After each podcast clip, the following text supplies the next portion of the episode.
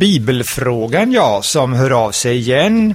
Programmet kommer ifrån Radio Adventkyrkan som väl eh, de flesta vet. Och eh, tekniker är Anne-Maj Sandström och jag själv heter Ruben Engdahl. Det här programmet går ju ut på att det är lyssnarna som sänder in frågor, frågor som handlar om Bibeln och religionen, existentiella frågor och så vidare. Och det är frågor vi får in eh, ja, på olika sätt.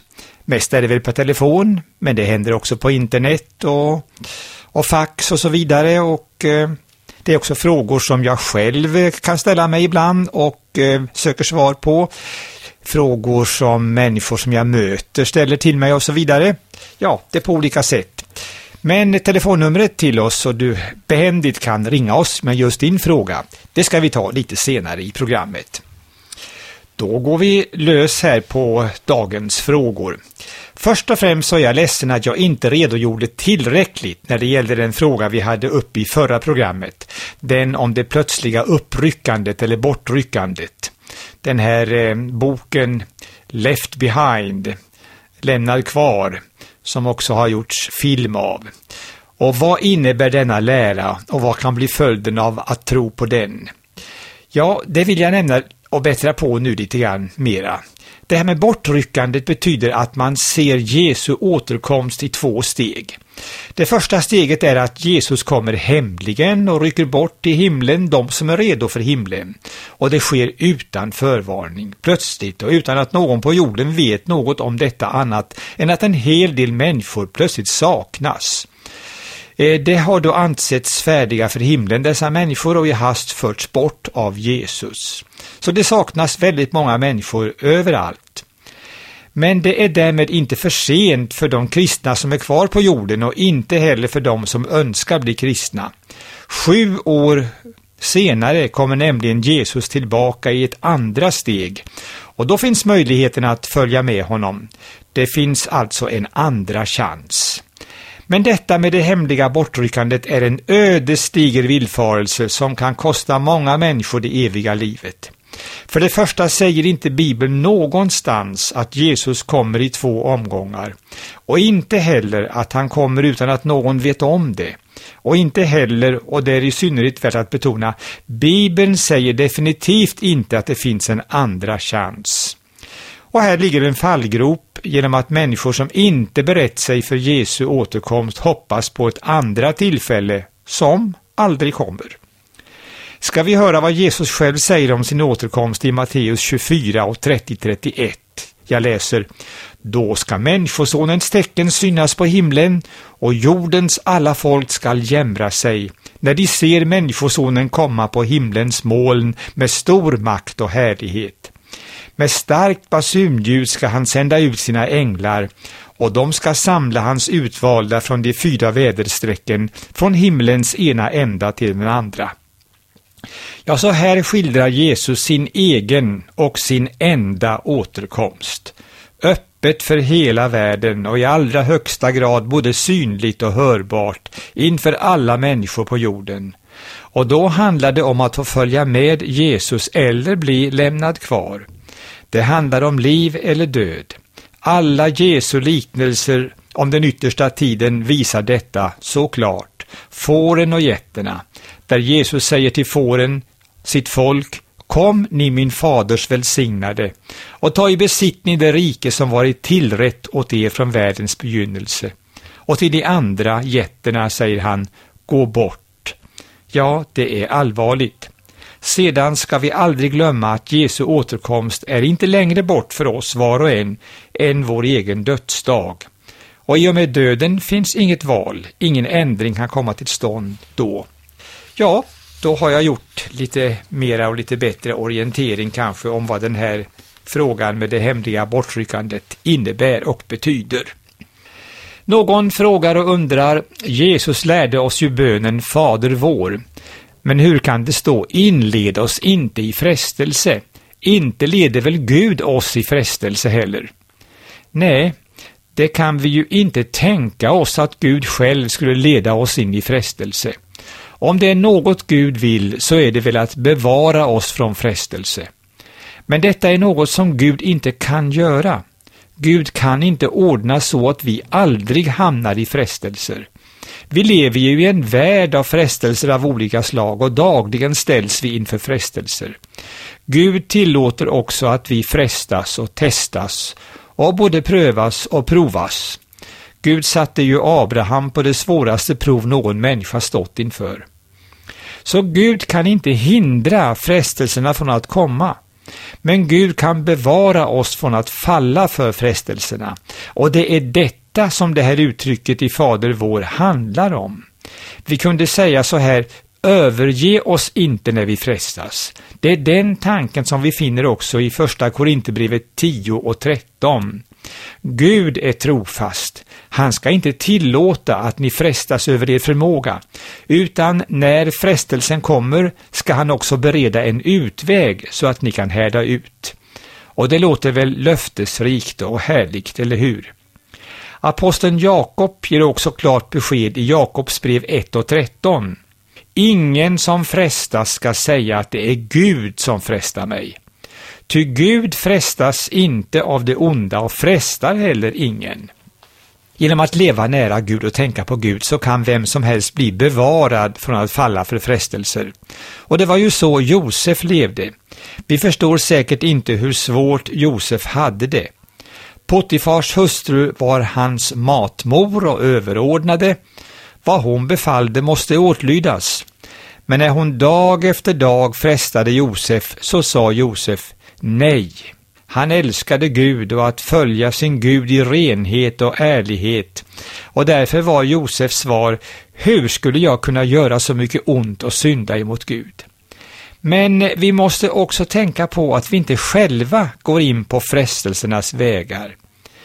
Att vi inte själva utsätter oss för frestelser, onödiga kanske till och med. Petrus skulle inte ha gått in på översteprästens gård och David skulle inte ha stått och tittat på den badande kvinnan. I båda fallen ledde det till syndafall. Så tänk på nästa gång du ber Herrens bön och kommer till det här uttrycket inled oss inte i frestelse. Tänk då först på att det blir till en bön för din del att du inte ger dig in på frestelsens vägar. Och vidare att Gud i situationer som du inte själv försatt dig i får Guds hjälp, den helige Andes kraft att stå emot och övervinna frestelserna. Ja, det var de frågorna det. Då ska vi ta och gå in på en fråga om bönesvar här och om att be till Gud. Och här är någon som säger så här, jag ber och ber till Gud men får inget svar och jag tycker jag är riktigt tydlig till Gud med vad jag önskar och vill. Ja, det här med bön och bönhörelse är något som berör oss mycket. Och ofta tycker vi att Gud dröjer. Vi får inte svar så fort som vi tycker att vi skulle få. Men man får alltid ransaka sig själv när det gäller våra böner och särskilt då böner där vi kanske till och med är rätt påstridiga. För vi måste ha förtroende för Gud och veta detta att Gud vet vad som är bäst för oss, men också när det är bäst för oss. Kanske Gud avvaktar det bästa tillfället att besvara våra böner. Och kanske också att vi själva behöver ändra oss och se på oss själva och på Gud och på våra böner på ett annat sätt. Och kanske Gud väntar att vi ska komma till en sån insikt innan han besvarar vår bön. Jag läste om en kvinna som kämpade i bön för sin tvåårige son. Han hade olyckligtvis fått i sig en överdos av medicin och det såg mycket kritiskt ut för den lille pojken. Modern tiggde och bad Gud att bota hennes lille son, men pojken blev bara svagare. Och nu gick kvinnan nästan till angrepp mot Gud. Hon anklagade Gud för att inte bry sig om henne. Hennes böner var mycket påstridiga, men pojken blev sämre och hamnade i koma. Och nu, hoppet att pojken skulle bli bra, det var faktiskt ute. Han verkade inte ha någon chans. Men då inträffade det oväntade med mamman. Hon genomgick en förändring och nu bad hon så som hon inte kunnat be tidigare. Gud, sa hon, inte som jag vill, utan som du vill, må din vilja ske. Och hon menade verkligen vad hon bad. Just den dagen när hon kunde be den bönen, ja, då återfick pojken medvetandet och tillfrisknade med rekordfart. Kanske hade pojken blivit bra ändå, jag vet faktiskt inte, sa kvinnan. Men vad jag vet är att Gud gjorde ett underverk med mig själv när han bröt igenom allt mitt förtvivlade tiggande och mina ilskna krav med den varma känslan av att han älskade mig. Och jag visste i den stunden att nu kunde jag förtrösta på Guds vilja för mig och min son, vad som än skulle ske. Och Jag tycker att den här eh, lilla skildringen har mycket att lära oss. För det handlar alltid om vår tro och förtröstan på Gud. Att vi inte tvivlar på hans kärlek och goda vilja för oss. Att vi i vår bön lägger allt i vår faders händer och, och låter hans vilja ske. Och att vi också ber om tålamod att vänta på Guds tid. För Gud har alltid det allra bästa skälet för vad han gör eller inte gör. Ja, ska se om vi hinner med någon fråga här.